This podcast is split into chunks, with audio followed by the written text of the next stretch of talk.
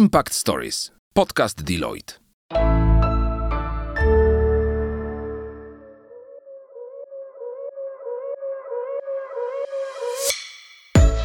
Cześć! Impact Stories powstało z myślą o studentach, którzy szukają inspiracji, chcą się rozwijać i poznawać świat biznesu od kuchni.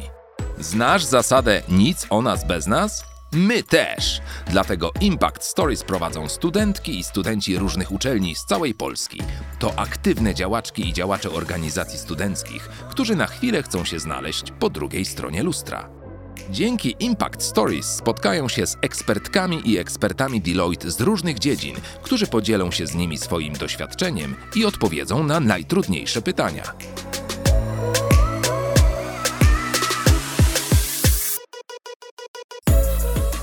Dzisiejszym odcinku usłyszycie ambasadorów Deloitte. Karolinę Romanowską, studentkę Politechniki Warszawskiej i członkinię Koła Naukowego Informatyków, a także Erasmus Student Network Politechniki Warszawskiej. Drugim prowadzącym jest Piotr Fałdziński z Uniwersytetu Wrocławskiego, który działa w Studenckim Kole Naukowym Prawa Finansowego Fiskus. Ekspertem, z którym porozmawiają jest Wiesław Kotecki, partner w Deloitte Digital, wiceprezes firmy USLab, która została połączona z Deloitte Digital w 2016 roku. W tym odcinku przekonacie się, jak wygodny jest fotel CEO, czy można rozwijać swoją przedsiębiorczość w dużej organizacji i czego nauczyło go prowadzenie własnej firmy. Posłuchaj Impact Stories. To może tak na początek e, powiedz, czy połączenie USLabu z e, Deloittem było sukcesem czy porażką? To nie pierwszy raz, kiedy dostaję to pytanie. Wiesz co, zawsze odpowiadam na nie w taki sposób i tak staram się w ogóle gdzieś myśleć o tym, że zrobiłbym drugi raz to samo. Mhm. Mm, I niezmiennie od 6 lat na razie odpowiedź brzmi tak. Więc niech to będzie odpowiedź. Biznes konsultingowy czy biznes doradczy jest biznesem trudnym, ponieważ mhm. jest biznesem opartym o ludzi. Tak? I teraz on jest szczególnie trudny, kiedy nie stoi za tobą wielki kapitał i kiedy jest się trójką kumpli na studiach, a my byliśmy, moi wspólnicy byli na czwartym roku, ja byłem na trzecim. Mieliśmy zerowe pojęcie robienia biznesu. Mieliśmy w, łącznie we trzech 100 euro, po mhm. kiepskim przeliczniku powiedzmy. I zasadniczo taki pomysł, że chcemy zbawiać świat. To mniej więcej taki, okay. taki czas w życiu każdego człowieka czasami jest. No i akurat tak było, że nam trochę wyszło. To znaczy, było tak, że chłopaki studiowali na SWPS-ie, ja na SGGW.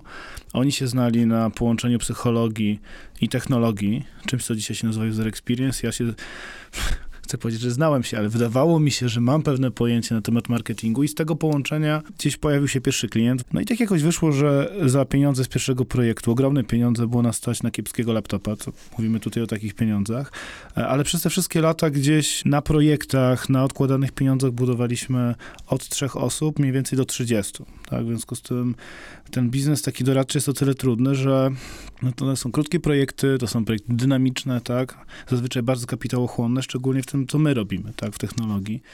E, no i my czuliśmy, że jest jakaś taka, jest jakiś taki sufit nad nami, tak? Taki szklany sufit, który e, spowoduje, że pewnego poziomu wielkości firmy nie przekroczymy. Zresztą obserwowaliśmy też, co się dzieje no, za granicą. Obserwowaliśmy głównie Stany i Wielką Brytanię i pomyśleliśmy, że to dla nas też może być droga. Tak? I ja nie powiedziałbym, że nam szło źle, bo nam szło całkiem dobrze, bo koniec końców Deloitte nas zainwestował, czy nas kupił, e, więc chyba aż tacy kiepscy nie byliśmy. E, natomiast faktycznie pod sam koniec dnia wiedzieliśmy, że chcemy pójść albo w stronę integracji z dużym IT i na stole mieliśmy ofertę z jednym z największych, czy w tamtym czasie największych polskich przedsiębiorstw technologicznych, albo w konsulting. A że Deloitte, e, Deloitte zgłosił się do nas z ofertą, no to jestem tu, gdzie jestem. No to teraz w takim razie uważasz, że wolałbyś dalej wrócić do jej prowadzenia samodzielnie, czy raczej ta aktualna posada, którą posiadasz, jest odpowiednia? Mm, to jest kolejne trudne pytanie. E, myślę, że Deloitte jest bardzo ciekawą o tyle firmą, że jest firmą ludzi przedsiębiorczych i jest taką firmą, która bardzo promuje przedsiębiorczość. I... A co to znaczy? Tak dokładniej. To znaczy, że tak naprawdę ja przechodząc z zespołem do Deloitte'a, e, ciągle prowadzę w pewnym sensie swoją własną firmę. Okej. Okay. W pewnym sensie oczywiście, tak, bo działamy w większym... Czyli ludzie z swojej firmy też tu pracują? No wiesz, no minęło 6 lat, w związku znaczy, z tym jest naturalnie. jak, jak Tak, znaczy było tak, że y, było tak, że duża część tego 30-osobowego zespołu tu przeszła. Oczywiście nie wszyscy, nie wszyscy byli zainteresowani pracą w dużej firmie. Niektórzy przychodzili pracować do małego studia e, mhm. w bardzo rodzinnej atmosferze i uważali, że tej atmosfery się nie da tutaj odbudować.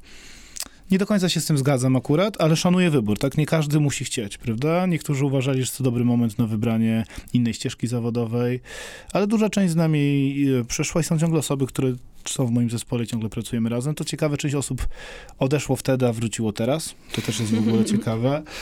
No wiecie, życie jest długie, tak? I, i różnie pisze te scenariusze. Natomiast wracając do twojego pytania, bycie przedsiębiorcą w dużej firmie polega na tym, że ciągle na, na mojej głowie jest jakby wymyślanie tego biznesu, którym się zajmuję, tak? Odpowiadanie za sprzedaż, odpowiadanie, tak jak we własnej firmie, za tak zwane delivery, czyli dostarczanie potem projektów, za zatrudnianie ludzi, za znalezienie tych ludzi, za marketing. To są rzeczy, które każdy przedsiębiorca ma we krwi ale bycie partnerem w takiej firmie, ale nie tylko partnerem, pracowanie w takiej firmie jak Deloitte, także wymaga od ciebie takich przedsiębiorczych cech. Różnica jest tylko taka, że pracujesz w większym ekosystemie, w większym organizmie, więc czasami a nawet często trzeba się stosować takich generalnych zasad, bo tylko one sprawiają, że taka wielka firma może działać, prawda? E, no i to jest pewna cena, którą się płaci. Pytanie, czy cena, tak? Bo z tego mhm. też można bardzo dużo dla siebie wyjąć. Można się przede wszystkim bardzo wiele nauczyć. Czyli pomysłowość się nie skończyła, tylko po prostu została podniesiona na większy etap dla większej ilości populacji. Powiedziałbym, że w pewnym sensie e, po pierwsze to, co ja dostałem osobiście, to jest bardzo ważne. Dostałem osoby, które mnie, jak to się ładnie mówi, w korporacji challenge'ują, które jakby podważają moje pomysły. To mhm. jest bardzo ważne, tak? We własnej firmie to kto powie szefowi nie, tak? No, że mi często mówiono nie, tak? Ze wspólnikami też się kłóciliśmy w kreatywny sposób, ale tutaj faktycznie ja muszę udowodnić, że pomysł ma sens. O, więc o ile ma sens, to mam dużo większe środki, dużo większe zasoby i przede wszystkim mądrzejszych ludzi ode mnie, z którymi te pomysły mogę realizować, tak? Bardzo często mhm. te pomysły wymagają kapitału. No, o wiele łatwiej o taki kapitał inwestycyjny, pracując w większej firmie niż w małej. Pewnie te decyzje jakby trzeba dużo bardziej rozważyć, tak, no bo koniec końców nie wydaje do końca moich własnych pieniędzy, no chociaż jako partner oczywiście w pewnym sensie jestem, jestem no, współodpowiedzialnym, ale także też współzarządzającym tą firmą. A jak to jest i w sumie może też jakie uczucia towarzyszą, kiedy zmieniasz sobie wygodny fotel CEO firmy na takie biurowe krzesło w korporacji? To bardzo, bardzo ładne założenie zrobiłeś. Każdy CEO wie, że jego fotel jest najmniej wygodny. Dzisiaj są wygodne. A... Czy nie ma w ogóle fotelu? Nie, no wiesz, to, to, to, zazwyczaj biegasz gdzieś tam. Fotel oczywiście jest, natomiast y, no myślę, że wiesz, no rola lidera firmy każdej, a tym bardziej własnej jest trudna, tak? I, I tak samo rola lidera w takiej firmie większej także jest tak samo trudna, więc ja nie wiem, wydaje mi się, że to jest wiesz, kwestia indywidualna, kto jakie krzesło lubi, tak? Oba mają, oba mogą być bardzo wygodne i oba mogą bardzo gnieść. Czy ciężko było ci się po prostu przestawić, tak? I w pewnym sensie też pewnie dostosować, bo jednak e, na swoim podwórku swoje zasady, a jednak jak przychodzisz do kogoś, no to przynajmniej do takiej dużej e, korporacji, mm. no to jednak są zasady, jest pewien, są pewne ramy, tak? I jak tu się odnaleźć w tym? Jak ty się znaczy, odnalazłeś? To na pewno był ciężki proces. Myślę, że pierwsze dwa lata to my się głównie integrowaliśmy, nie robiliśmy biznes, tak generalnie, bo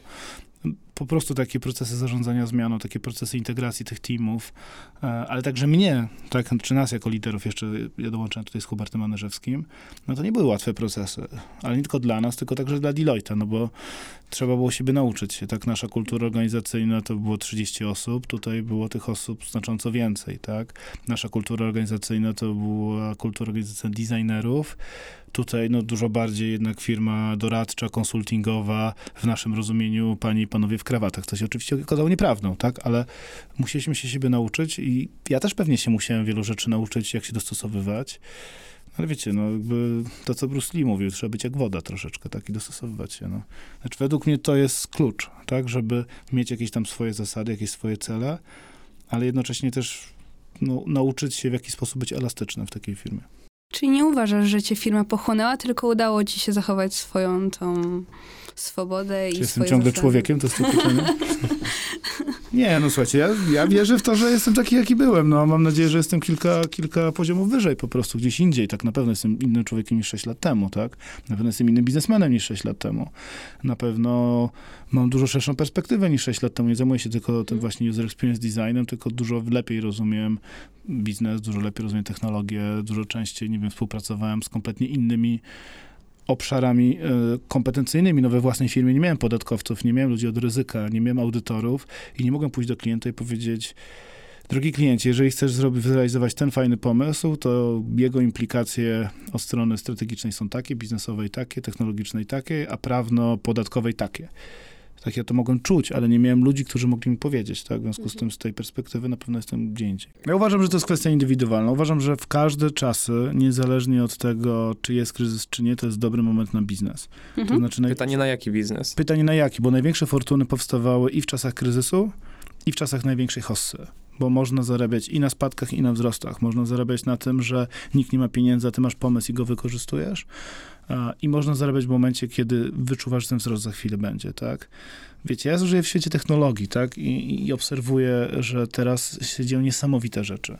Że niesamowite technologie cały czas, wydawałoby się, że już nic nowego, tak ciekawego nie powstanie, a co chwilę te biznesy powstają, tak? Więc wydaje mi się, że są osoby, które doskonale się sprawdzą na tak zwanym etacie, doskonale wykorzystają swój talent, Mhm. wiedzę, pracując w ogromnych firmach i są osoby, które już na studiach, a często jeszcze przed studiami są predestynowane do tego, żeby założyć firmę, Mhm. ale co do zasady też uważam, że jedna droga nie wyklucza drugiej, tak? Że można pójść na etat, nauczyć się bardzo wielu rzeczy i w pewnym momencie podjąć decyzję o zmianie.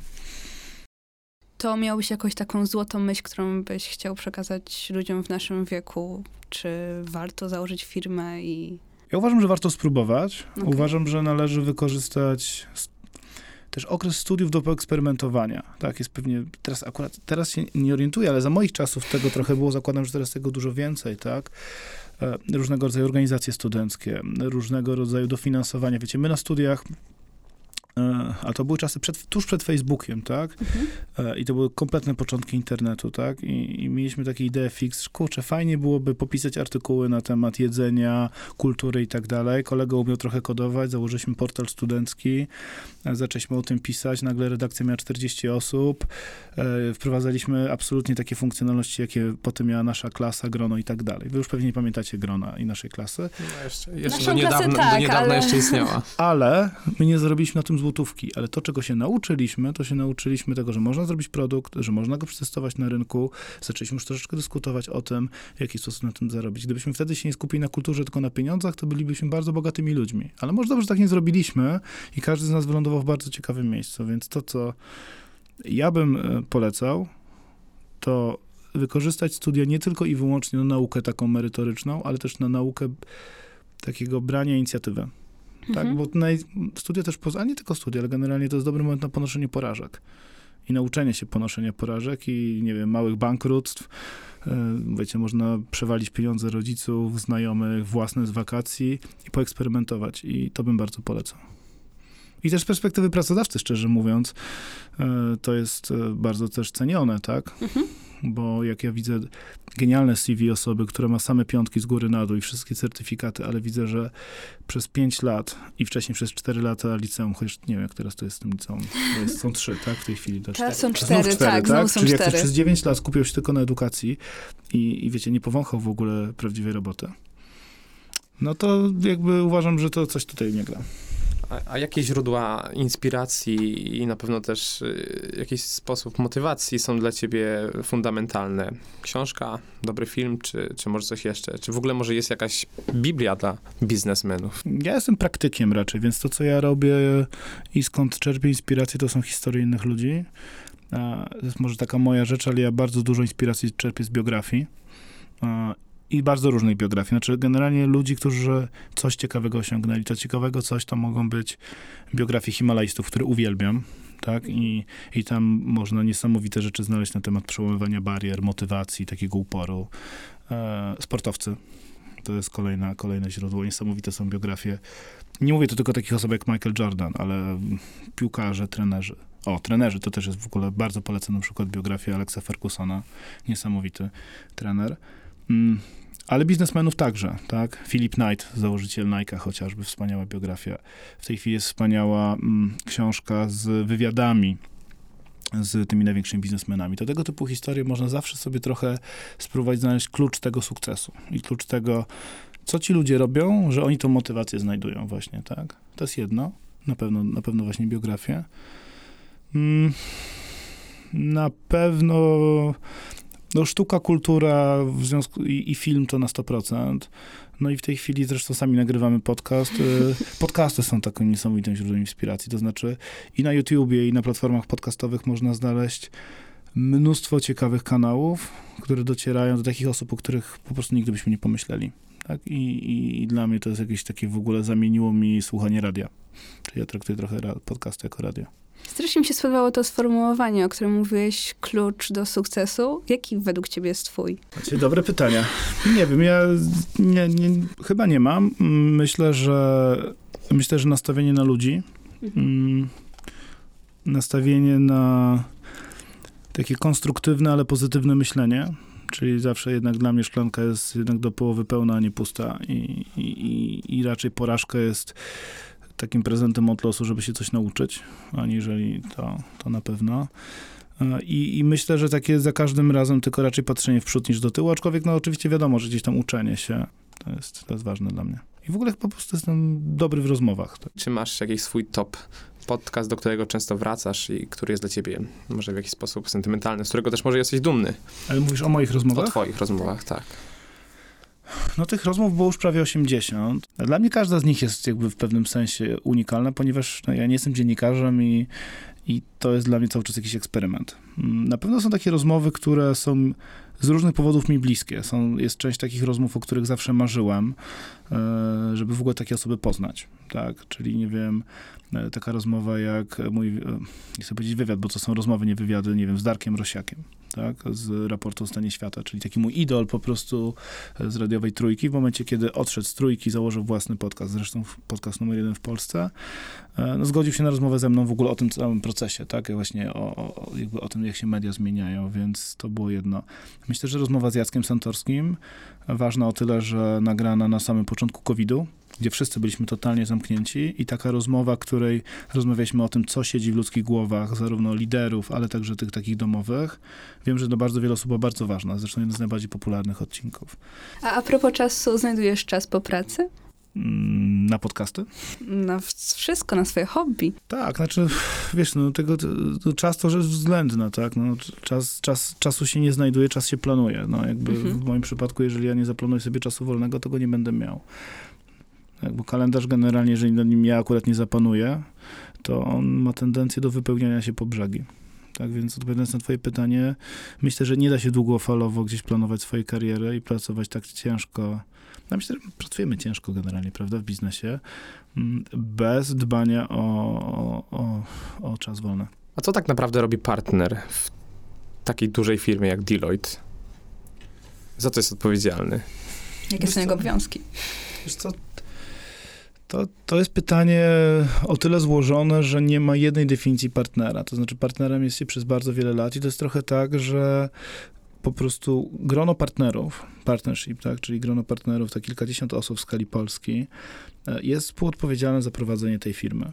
Tak? I teraz jak to wśród partnerów biznesowych dzielimy się obowiązkami, które wynikają z potrzeb prowadzenia tej firmy, tak? I teraz część z nas odpowiada za, nie wiem, dany zespół kompetencyjny, tak? Czy jest to zespół, nie wiem, podatkowy, czy prawny, czy tak jak u nas jakiś, jakiś elementów doradztwa, czy technologii.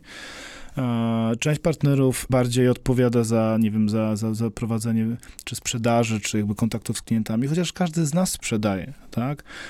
Wiadomo, że taka firma wymaga zarządzania i takiego operacyjnego, i zarządzania talentem, czyli ludźmi, tak? Czyli część partnerów bardziej ma na to, tak? Wpływ, część bardziej się skupia na rzeczach takich księgowych i tak dalej, i tak dalej. No jakby każdy ma podział obowiązków i też wraz z kolejnymi latami jakby bycia partnerem, zakres tych obowiązków oczywiście wzrasta, tak? No i wiadomo, że to ciężko powiedzieć, że jest jeden jedna pieczątka taka, jesteś partnerem i robisz to. Nie, no też jest troszeczkę tak, że to, jak, jak jest kształtowana strategia firmy, od nas bardzo często wymaga też zmian. No wiecie, wybuch COVID, to my, się, my spotkaliśmy się wszyscy i zapytaliśmy się, no dobrze, to co teraz ta sytuacja od nas wymaga, żeby ta firma po pierwsze przetrwała, po drugie wyszła z niej mocniejsza, bo COVID jest, był, za chwilę go może nie będzie, a firma musi działać dalej. Tak? W związku z tym partner robi wszystko to, co jest potrzebne do tego, żeby firma była w dobrym, przede wszystkim tu i teraz w dobrym stanie, ale przede wszystkim była przygotowana też na wzrost. To jest dla nas najważniejsze jakby, tak? No i też pod koniec dnia była fajnym miejscem dla takich ludzi jak wy do przyjścia, tak? No bo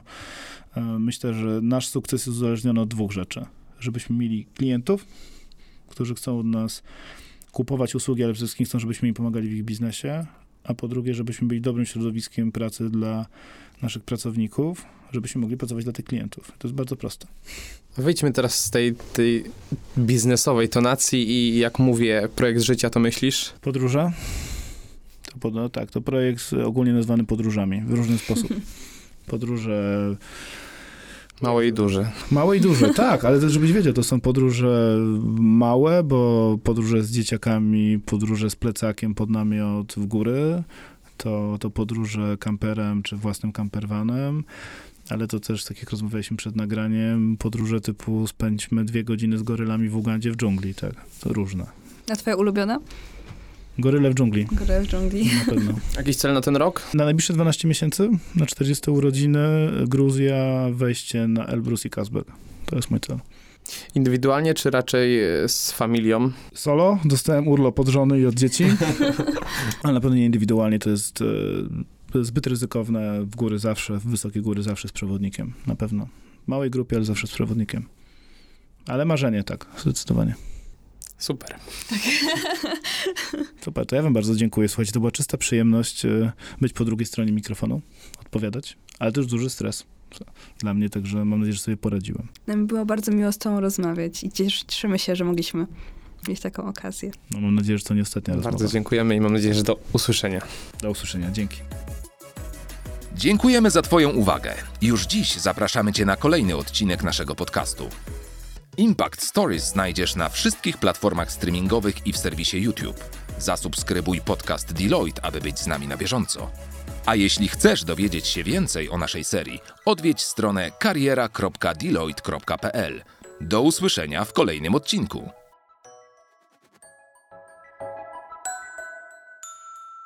Impact Stories. Podcast Deloitte.